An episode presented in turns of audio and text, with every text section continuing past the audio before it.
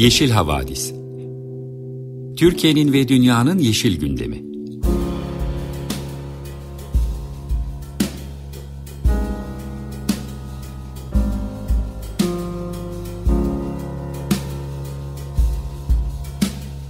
Hazırlayan ve sunanlar Selin Uğurtaş ve Savaş Çömlek.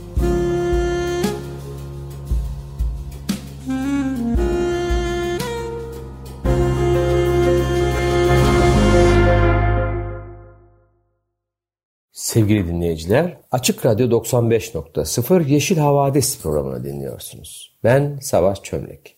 Selin Uğurtaş'la birlikte hazırladığımız bu programda Yeşil Gazete'nin gözünden haftanın ekoloji ve iklim haberlerini gözden geçiriyoruz. Bir süredir alışkanlık edindiğimiz üzere Yeşil Gazete köşe yazarlarından Victor Mori'nin bir şarkının hikayesi köşesinden bir parçayla başlamak istiyoruz.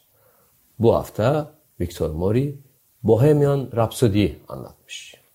Freddie Mercury'nin olmaya alıştığı erkeği öldürüp yeni hayatına merhaba dediği kült şarkısı Bohemian Rhapsody'nin opera bölümünün kaydı için grup tam bir hafta çalışmış. 24 kanallı analog kayıt cihazında 180 vokal bölüm kaydedilmiş. Bunlar üst üste getirilerek mükemmel sonuca ulaşılmış.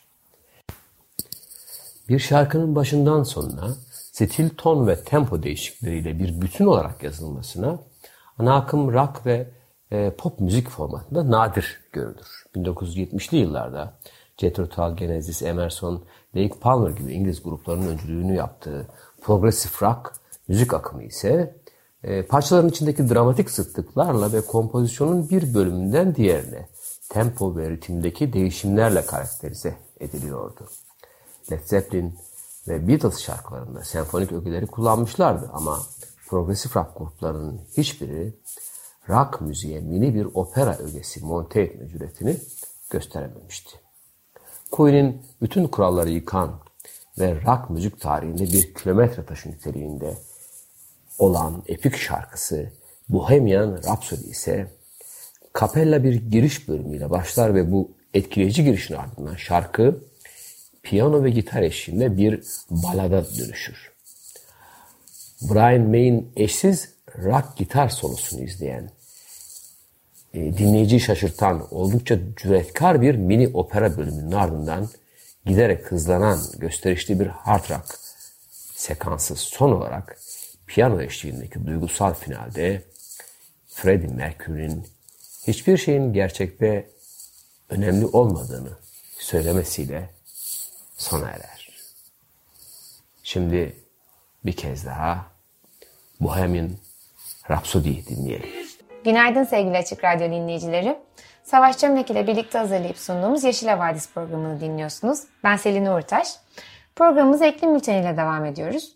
İlk sırada oldukça önemli bir haber var. Hem enerji krizi, hem iklim krizi, hem de ekolojik anlamda önemli sonuçları olan bir gelişme yaşandı bu hafta. Rusya'dan Avrupa'ya doğal gaz taşıması planlanan Kuzey Akım 2 boru hattında sızıntı tespit edildi. Bu hat Rusya'dan Baltık Denizi üzerinden Almanya'ya kadar 1230 kilometre uzunluğunda bir hat. Yapımı da epey olaylı olmuştu. Aslında Almanya Rusya'ya enerji bağımlılığını daha da artacağına dair birçok eleştiriye kulak tıkayarak bu projeye kalkıştı. Eleştirenlerin başında da Amerika Birleşik Devletleri geliyordu. E, fakat bu Kuzey Akım 2'nin akıbeti Rusya'nın Ukrayna'yı işgaliyle beraber bambaşka bir boyut kazandı. Rusya'nın doğalgazına hala bağımlı olan ve bu bağımlılığın doğurduğu jeopolitik zorlukları sanırım ancak idrak eden bir Avrupa ile karşı karşıyayız. Kuzey Akım 2'den henüz Avrupa'ya doğalgaz verilmiyordu. Ancak hat doğalgazla doldurulmuştu. Ve işte bu hat üzerinde iki yerde sızıntı meydana geldiğini biliyoruz. Aradan biraz zaman geçince olayın detayları da su yüzüne çıkmaya başladı. Danimarka, Almanya ve Polonya bu sızıntının bir sabotajdan kaynaklandığını iddia ediyorlar. Danimarka Başbakanı yetkililerin açık değerlendirmesi bunların kaza değil kasıtlı eylemler olduğunu dedi. Avrupa Konseyi Başkanı Charles Michel de benzer yönde bir tweet attı. Şöyle yazıyordu tweette. Kuzey akıma yönelik sabotaj eylemleri Avrupa Birliği'nin enerji arzını daha da istikrarsızlaştırmaya yönelik bir girişim gibi görünüyor. Acil ve kapsamlı bir soruşturmaya ihtiyacımız var. Bir taraftan tabii bilim insanlarının da çalışmaları devam ediyor. Danimarka ve İsveç'teki sismologlar pazartesi günü sızıntılara yakın bölgelerde iki şiddetli patlama tespit edildiğini söylediler. Ancak bu patlamaların depreme benzemediğini de söylüyorlar.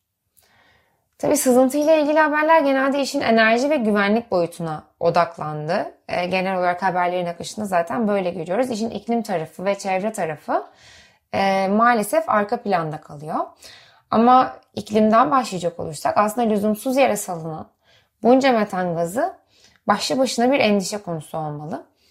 Kuzey akım 2'den sızan metanın Havana ya da Helsinki gibi orta büyüklükte şehirlerin bir senelik karbondioksit salımlarına denk olduğu bu konuda geçen haberler arasında. Şimdi metanla ilgili aslında şunu da hatırlatmakta fayda var. E, metan oldukça etkili bir sera gazı. Isıtıcı etkisi karbondioksitten daha kısa sürüyor. Fakat bununla birlikte 20 senelik süre zarfındaki etkisi karbondioksitin 80 katı olarak hesaplanıyor. E, benzer şekilde 100 yıllık bir perspektiften bakıldığında karbondioksitten 30 kat daha etkili bir gazdan söz ediyoruz. Yani iklim krizinin ortasındayken e, böyle salımlara siyasi manevra e, olarak sebebiyet verilmesi gerçekten insanda isyan duyguları doğuruyor. doğuruyor. Öte yandan bu yaşananların ekolojik sonuçları henüz yeterince detaylandırılmış değil. Yani ne gibi etkileri olacağını tam olarak öngöremiyoruz. Şunu biliyoruz ki iyi haber bu. Doğal gaz sızıntılarının denizel ekosistemlere etkisi petrol sızıntıları kadar korkunç değil. Fakat bu olumsuz etkileri olmayacağı anlamına gelmiyor. Örneğin Greenpeace salı günü bir araç, e, açıklama yaptı ve doğal gazın balıkların nefes almasını olumsuz etkileyebileceği uyarısında bulundu. Bu sızıntının yaşandığı zaman da açıkçası şöyle şu anlamda düşündürücü. Birazcık güvenlik boyutuna da geçmek istiyorum şimdi. Çünkü eğer bir sabotaj söz konusuysa aslında zarardan ziyade gözdağı verme amaçlı olduğu düşünülüyor şu noktada. Sızıntı Almanya bu kış için doğal gaz depolarını doldurduktan sonra ve henüz atıl olan bir doğal gaz boru hattında gerçekleşti. Fakat tabi bu sızıntılar hemen doğal gaz fiyatlarında yine daha da bir e, artışa sebep oldu. E, Avrupa'da doğal gaz fiyatı %7'lik bir sıçrama yaptı bu haberlerin hemen akabinde. Fakat daha da büyük endişe tabii böyle bir saldırının birdenbire açığa, açığa çıkarıverdiği kırılganlık.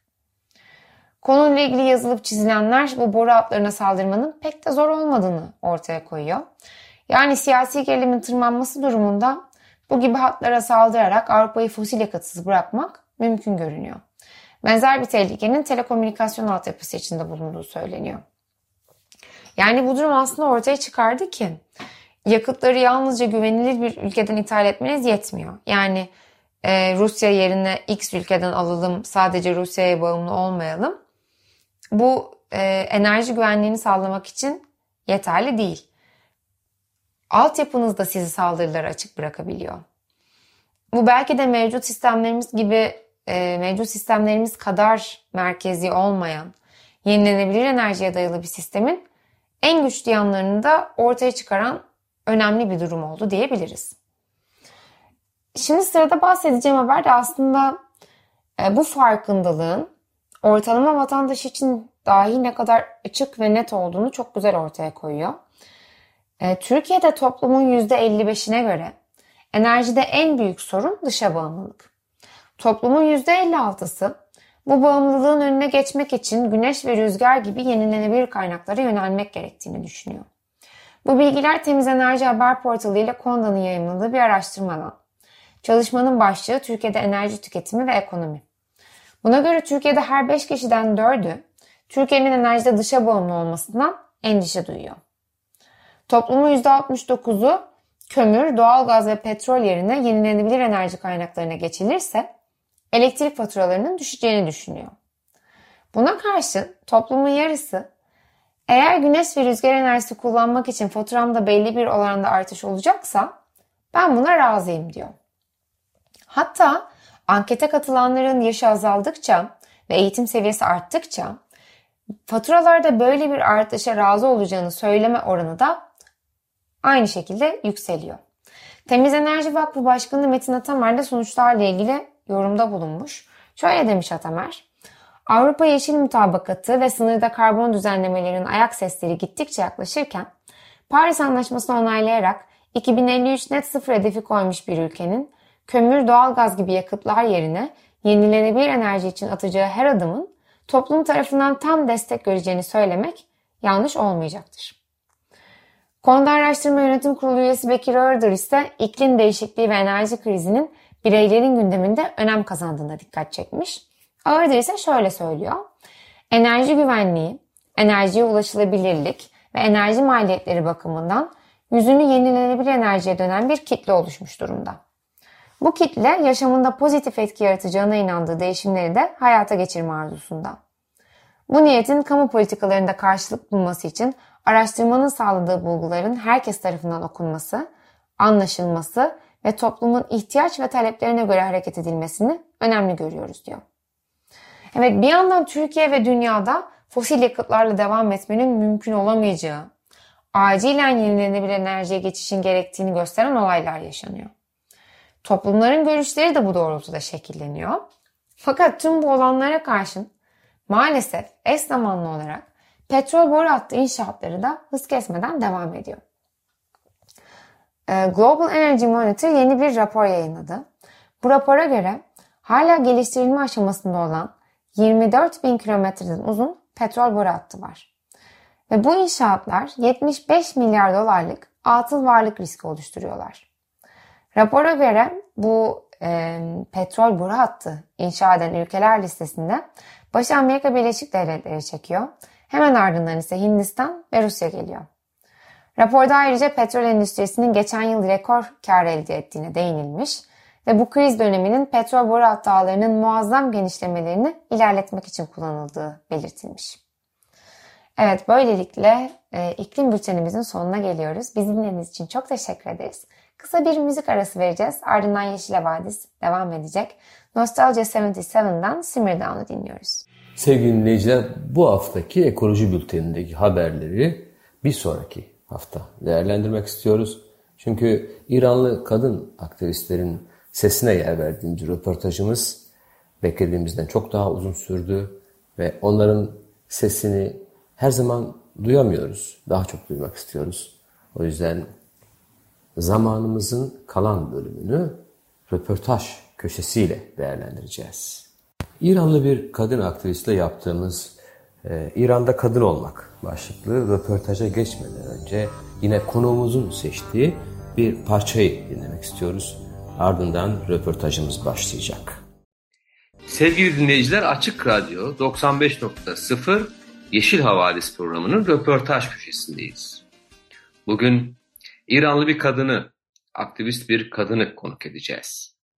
Bildiğiniz gibi küçük bir kasabadan Tahran'a akraba ziyareti için gelen genç bir kadının ahlak polisi tarafından katledilmesinden sonra bütün İran yasa bürünmüş ve eylemler başlamıştı. Ben şimdi konuğumuza söz vermek istiyorum. Konuğumuz Pune Aştiyani. İran'da kadınlar ne istiyorlar? İranlar, İran'daki kadınların rejimle sıkıntısı nedir? Hükümetle ilgili dertleri nedir? Bize biraz anlatır mısın? Bir de sizden doğrudan İranlı bir kadından duymak istiyoruz. İranlı kadınlar ne yaşıyorlar? Nasıl bir sıkıntı çekiyorlar? Merhaba, ben de selam ediyorum e, bütün e, arkadaşlara, bize dinleyen arkadaşlara. E, ve bizi savunan, yani İranlı kadınları savunan bütün her dünyanın her yerinde kadınlara selam ediyorum. Nereden başlasak gerçekten bilmiyorum. Yani e, İran'da bir kadın e, olarak dünyaya gelmek kendisi e, bir suçtur galiba. E, bu tabii ki e, yani bu suçun büyüklüğü İran'ın farklı yerlerde e, da farklı. Tahran'da veya Şiraz'da İsfahan'da dünyaya gelirseniz e, durumunuz Azerbaycan'da ve Kürdistan'da, Loristan'da, Baluçistan'da dünyaya gelmek e, farklıdır. Yani galiba o kenarda e, kalan e, ve daha geleneksel değerleri e, sahip olan şeylerde, kentlerde ve köylerde, kasabalarda kadınların durumu daha da vahim yani merkezde olan kadınların durumu vahim o da yani ama e, kenarda kal kalan kadınların durumu daha çok kötü. E, şunu söyleyebiliriz, e, hükümet e, bu hükümet geldiği günden beri kadınlara karşı büyük bir baskı kurmuş.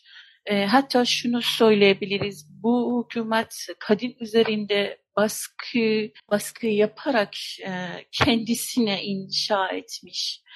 Ama e, bu hükümetin kolları var ve bu kollar kolların en e, en e, küçük hali yani e, erkeklerdir. E, bu yüzden bu kadınlar sadece hükümetten çekmiyor. Bu kadınlar aynı zamanda e, erkeklerden de çekiyor. Yani sen bir e, Azerbaycan'da, Baluçistan'da, e, Huzistan'da, Kürdistan'da, e, Lorestan'da bir kadından sorsan ne çekiyorsun diye. E, belki o daha iyi anlatabilir e, durumu benden. İran'da e, bir kadın dünyaya gelince e, bütün hakların yani e, bir tam bir insanın sahip olduğu hakların yarısına sahiptir. E, nasıl? Şöyle söyleyeyim. E, diyelim ki sokakta bir kadın, e, hamile bir kadın. E, ve bu mesela e, 6 aylık hamile, hamile ve şeyinde karnında e, erkek bir bebek taşıyor. Bildiğim kadarıyla benim alanım hukuk değil ama bildiğim kadarıyla e, inşallah yanlış bilmiyorumdur. Bildiğim kadarıyla eğer bu kadın kazada canını kaybetse bebekiyle beraber e, o bebeğin e, hatta bunun kucağında olan bir tane çocuk da olabilir yani şey mesela diyelim bir yaşında, dört yaşında, altı ayında bir çocuk da olabilir. E, o çocuk, e, o erkek çocuk e, kan payı dediğimiz şey e, ki Farsça'da diye diyoruz ona.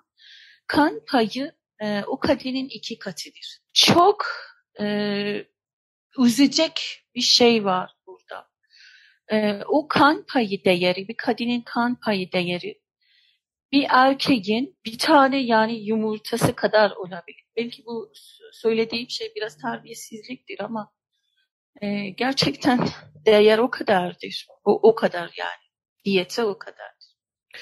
Biz e, ee, genel olarak e, başörtüsü hicap üzerinden haberleri okuyoruz. Sen tabii olaya çok daha geniş bir bakış açısıyla değerlendiriyorsun. E, bir de tabii e, sınıf farkından da söz ettin bu arada. E, evet, evet. Zengin şehirlerden, zengin eyaletlerden, toplumun e, yüksek gelir e, ve ayrıcalıklı kesimleriyle e, diğerler arasındaki evet. farklılığını da söz ettin. E, daha evet. ger- gerçekçi bir yerden daha az popüler yaklaştın tabii olaya. E, evet. E, Peki niçin sadece biz hicap meselesini e, hep e, ekranlarda görüyoruz, sosyal medyada izliyoruz? Diğer konularla ilgili çok az şey duyuyoruz. Halbuki en az onun kadar önemli hepsi de değil mi? Ee, ama bizim şeyimiz yani İran'daki kadının sıkıntısı sadece ahlak polisi değil, hicap değil. Bu kadının e, haklarını e, şey geri erkeklerden erkek sisteminin de sisteminden e, geri almak için senelerdir yani işte bir, bir tarih var arkasında yani senelerdir 43 senedir bu kadın e, bu rejime karşı e, hakkını savunmaya çalışıyor. Yani şey bir ay, değil mi?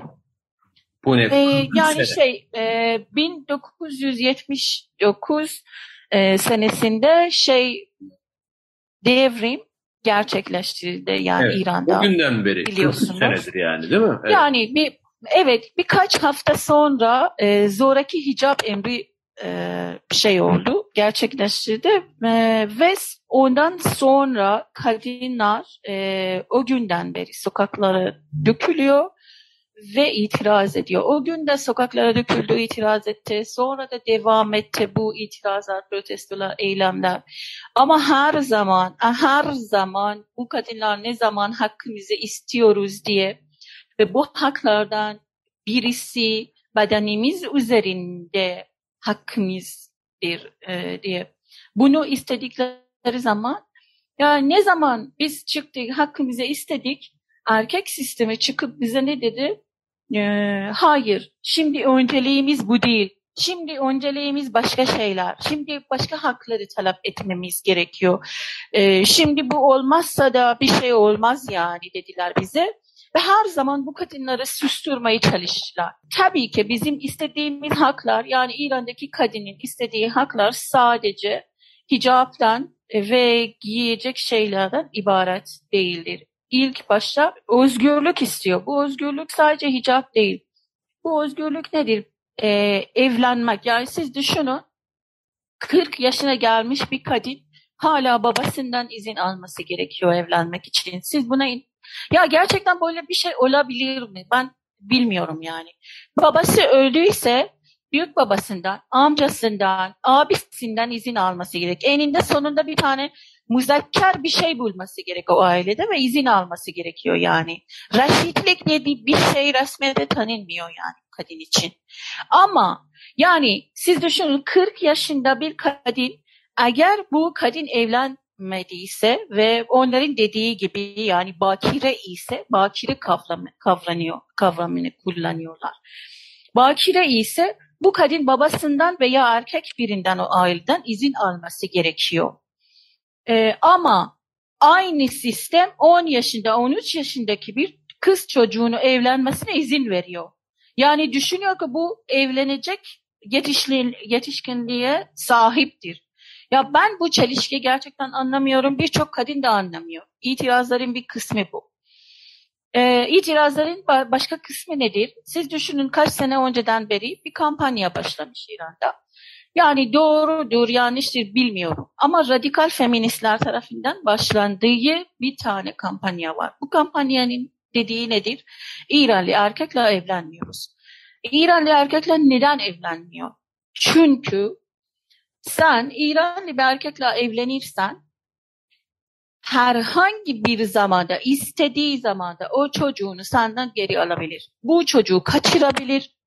Dünyanın neresinde olursan ol, o çocuğun sahibidir ve bunu İran kanunlarına göre İran'a kaçırabilir ve sen o çocuğu hayatın boyunca göremezsin.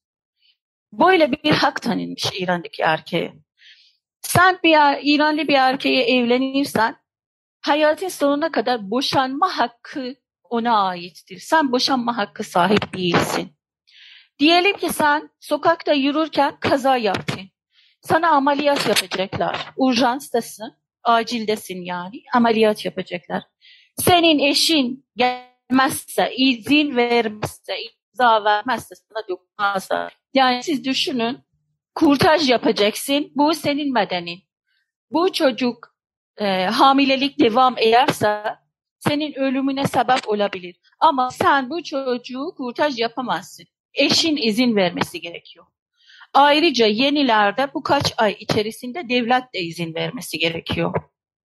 Ki bu devlet artık yani bu dediğiniz şey hükümet artık e, bizim yatağımıza kadar girmiş. Yani çocuk yapacaksın. E, siz düşünün şey e, yasaklandı e, doktorlar tarafından şey verme, e, gebelik önleme e, malzeme vermesi yasaklandı. Yani siz her halükarda hamile kalmak zorundasınız ve çocuk doğurmak zorundasınız. Halbuki bu çocuğa bu devlet sahip çıkmıyor. Yani bu çocuk dünyaya gelirse yani nerede dünyaya gelirse o da önemli. Yani şimdi siz düşünün Beluçistan'da dünyaya gelirse belki o şey hakkına bile sahip değil. Yani kimlik alma hakkına sahip değil. Yani vatandaş bile değil. Yani bazen bazı bölgelerde insanlar yaşıyor kimlikleri bile yok bu çocukların. Okula gidemezler. Yani e, ama hamile kalacaksın yani. Bu zorekidir. Her halükarda sen hamile kalacaksın. Diyelim ki yani tecavüze uğradı. Yine de aynı durum. Yani e, sonra e, boşanma hakkını da zaten dedim. Boşanma hakkı yok. Velayet hakkı kesinlikle baba elinde. Sen git bin tane imza al erkekten. Bu imzayı notere götür. şey yap yani resmiyeti taşı. Yine de e, bu erkek istediği zaman, irade ettiği zaman çocuğu senden alabilir. Çocuk hakkı yani babasına ait. Bu kadın yani ben şunu anlatmak istiyorum.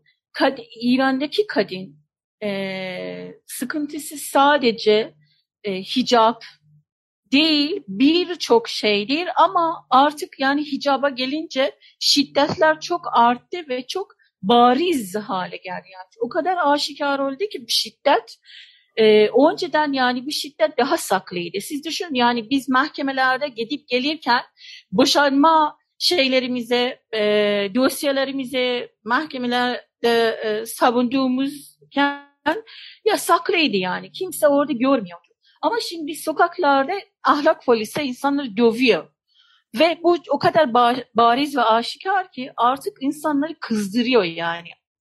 Şey bir, bir şekilde. Bir İranlı Burada, gazeteci pardon e, Pune hı. bir İranlı gazeteci e, geçen e, hafta Yeşil Gazete'de yaptığı bir açıklamada e, e, ahlak polisi tarafından uyarılmayan e, fiziki ve sözlü şiddet görmeyen kadın neredeyse İran'da hiç yok dedi.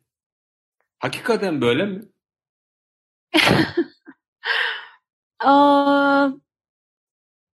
yani şeydir e, doğru diyor yani biz de e, farklı dönemlerde aynı şeyleri yaşadık bunu doğru doğru diyor.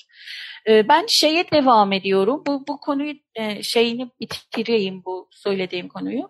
İran İran'daki kadının başka hakları nedir yani istediği hmm, hakları?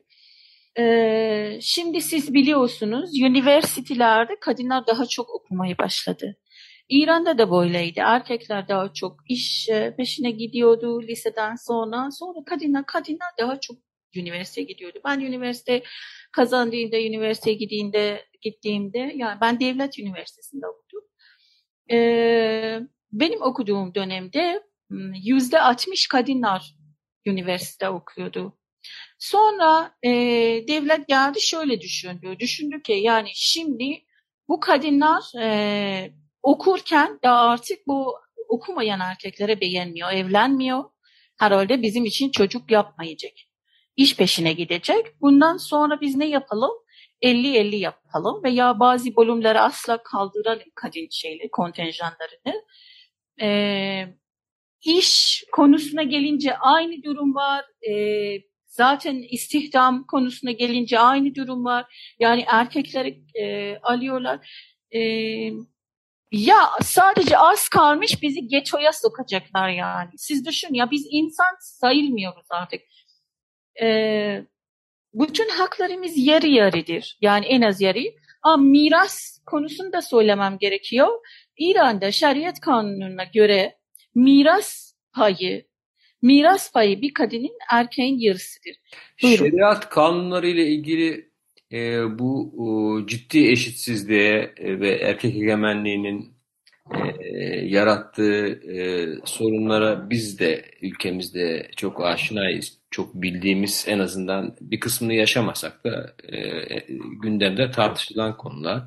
E, bizim toplumumuzda da insanların en çok endişe ettiği konulardan bir tanesi siyasal İslamcıların önerdikleri e, rejimin kadına biçtiği yer maalesef e, burası ve tabii kadınların isyanın bir parçası olması hatta isyanın mevcut isyanın önderi olmasının çok daha doğal bir şey yok bu anlattıklarından sonra.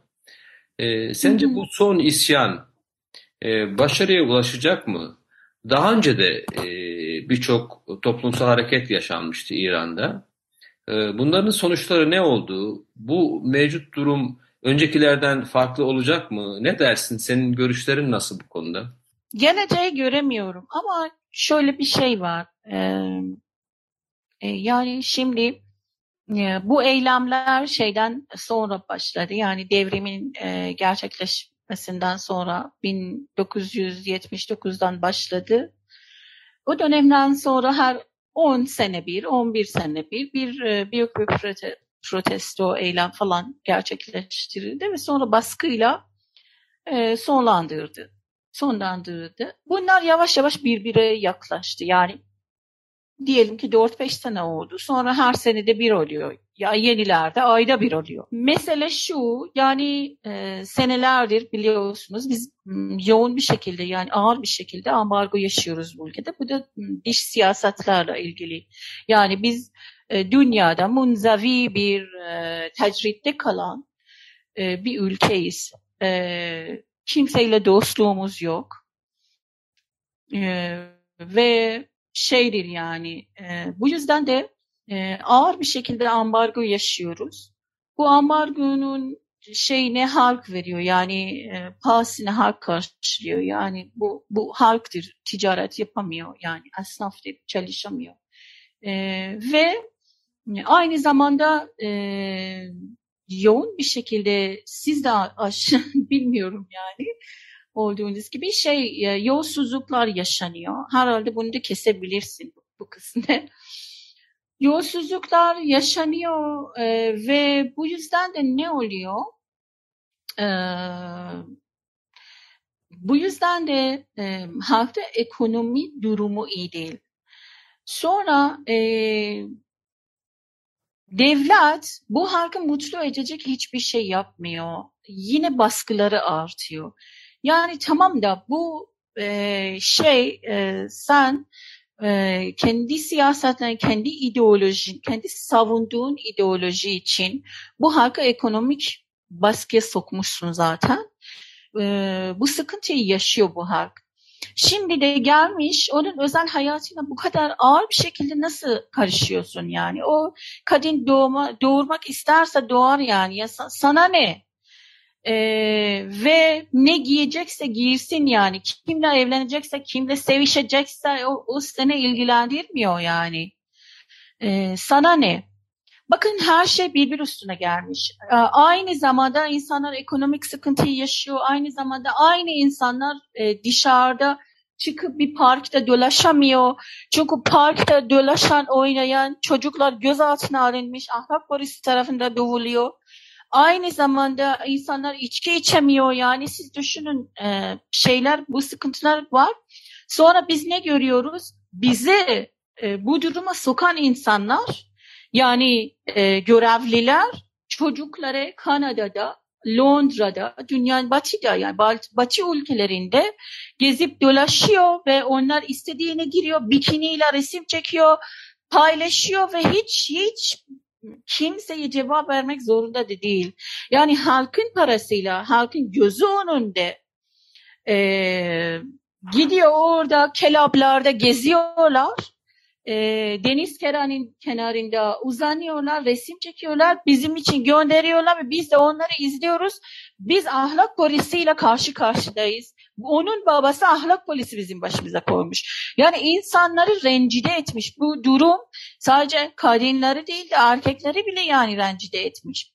En son durum e, böyle basit bir şekilde ortaya çıkmadı. En son durum ne oldu? Kaç ay önce e, şey bölge, Baluçistan bölgesinde bir tane tecavüz gerçekleştirildi. O zamandan beri bu tecavüz e, dosyası hiçbir yere şey olmadı. Yani şikayetler falan hiçbir yere varmadı. E, ki bu bir asker tarafından yani bir komutan tarafından e, 15 yaşındaki bir kızı tecavüz e, olayı e, gerçekleştirilmiş ve o şikayet hiçbir yere varmamış. Bu bir şiddet. Sonra e, geçen ay e, Kürdistan bölgesinde Şeler diye bir kadın e, şey oldu, e, tecavüzden kaçarak e, pencereden düşerek canını kaybetti. Sonra erkeklerimiz geldi ne söyledi? E, ya bu e, şey namus için şehit oldu falan. Bu erkek sistemi kadını ölü istiyor çünkü.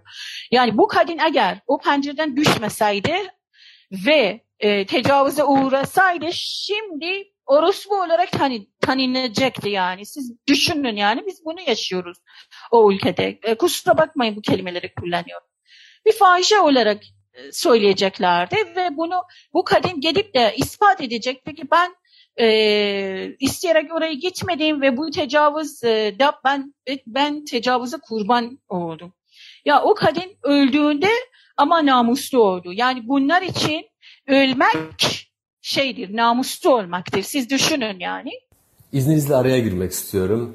E, süremizi tabii ki çoktan açtık. Birçoğumuz için şok edici bu bilgiler ve aydınlatıcı açıklamalardan sonra zamanımızı bitirdik ama gene de belki NASA ile ilgili, son olup bitenlerle ilgili bir şeyler de söylemek istersiniz. Ondan sonra da programımızı kapatırız. Böyle bir şey oldu. Yani e, şeyler e, olayından bir ay geçer geçmez e, Mahsa diye veya Jina dediğimiz bir kardeşimiz e, Tahran'a gitti ve bildiğiniz gibi e, başına gelenleri biliyorsunuz zaten.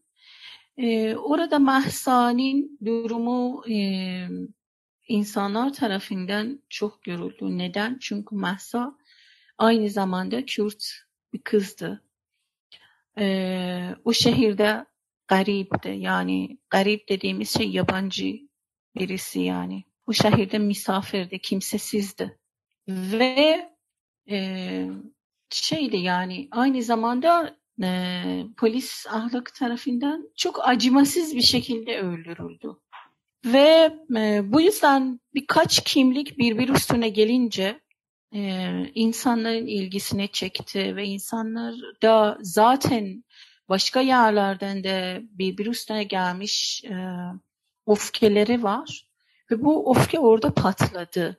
Çünkü şu an yani hali hazırda Tahran'da şiddet görmeyen ve şey ahlak polisi tarafından dediğiniz gibi e, şiddete uğramayan yani kadın şiddete maruz kalmayan kadın sayısı çok az. Yani bütün kadınlar aynı şeyleri yaşıyor her gün. Ve orada da patladı yani. Mesele bu. Mesele sırf e, hicap e, meselesi değil. Oradan başladı e, mesele bir bir üstüne gel, gelmiş e, seneler boyunca istediğimiz haklar veril, verilmeyen haklardı. E, ve şu ana kadar şunu söylemem gerekiyor. Şu ana kadar erkekler hiçbir zaman bizi sahip çıkmadı bu ülkede. Yani senelerdir biz gidiyoruz şey için mahkemeler önünde protesto yapıyoruz hmm, haklarımızı geri almak için e, boşanma hak, boşanma yani işte aile içinde eşit hakları istiyoruz.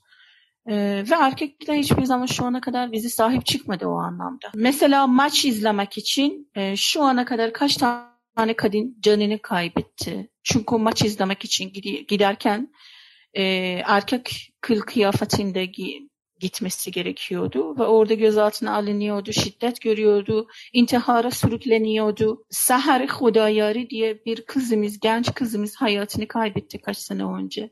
Maç izlemek için. Ve erkekler hiçbir zaman gelip de demediler biz bu maçı oynamayalım bir kere. Biz bu maçı izlemeye gitmeyelim bir kere. Kadınlar gelsin diye bunu isteyelim biz de. Onlar da insan. Ya onlar hiçbir zaman bize sahip çıkmadı.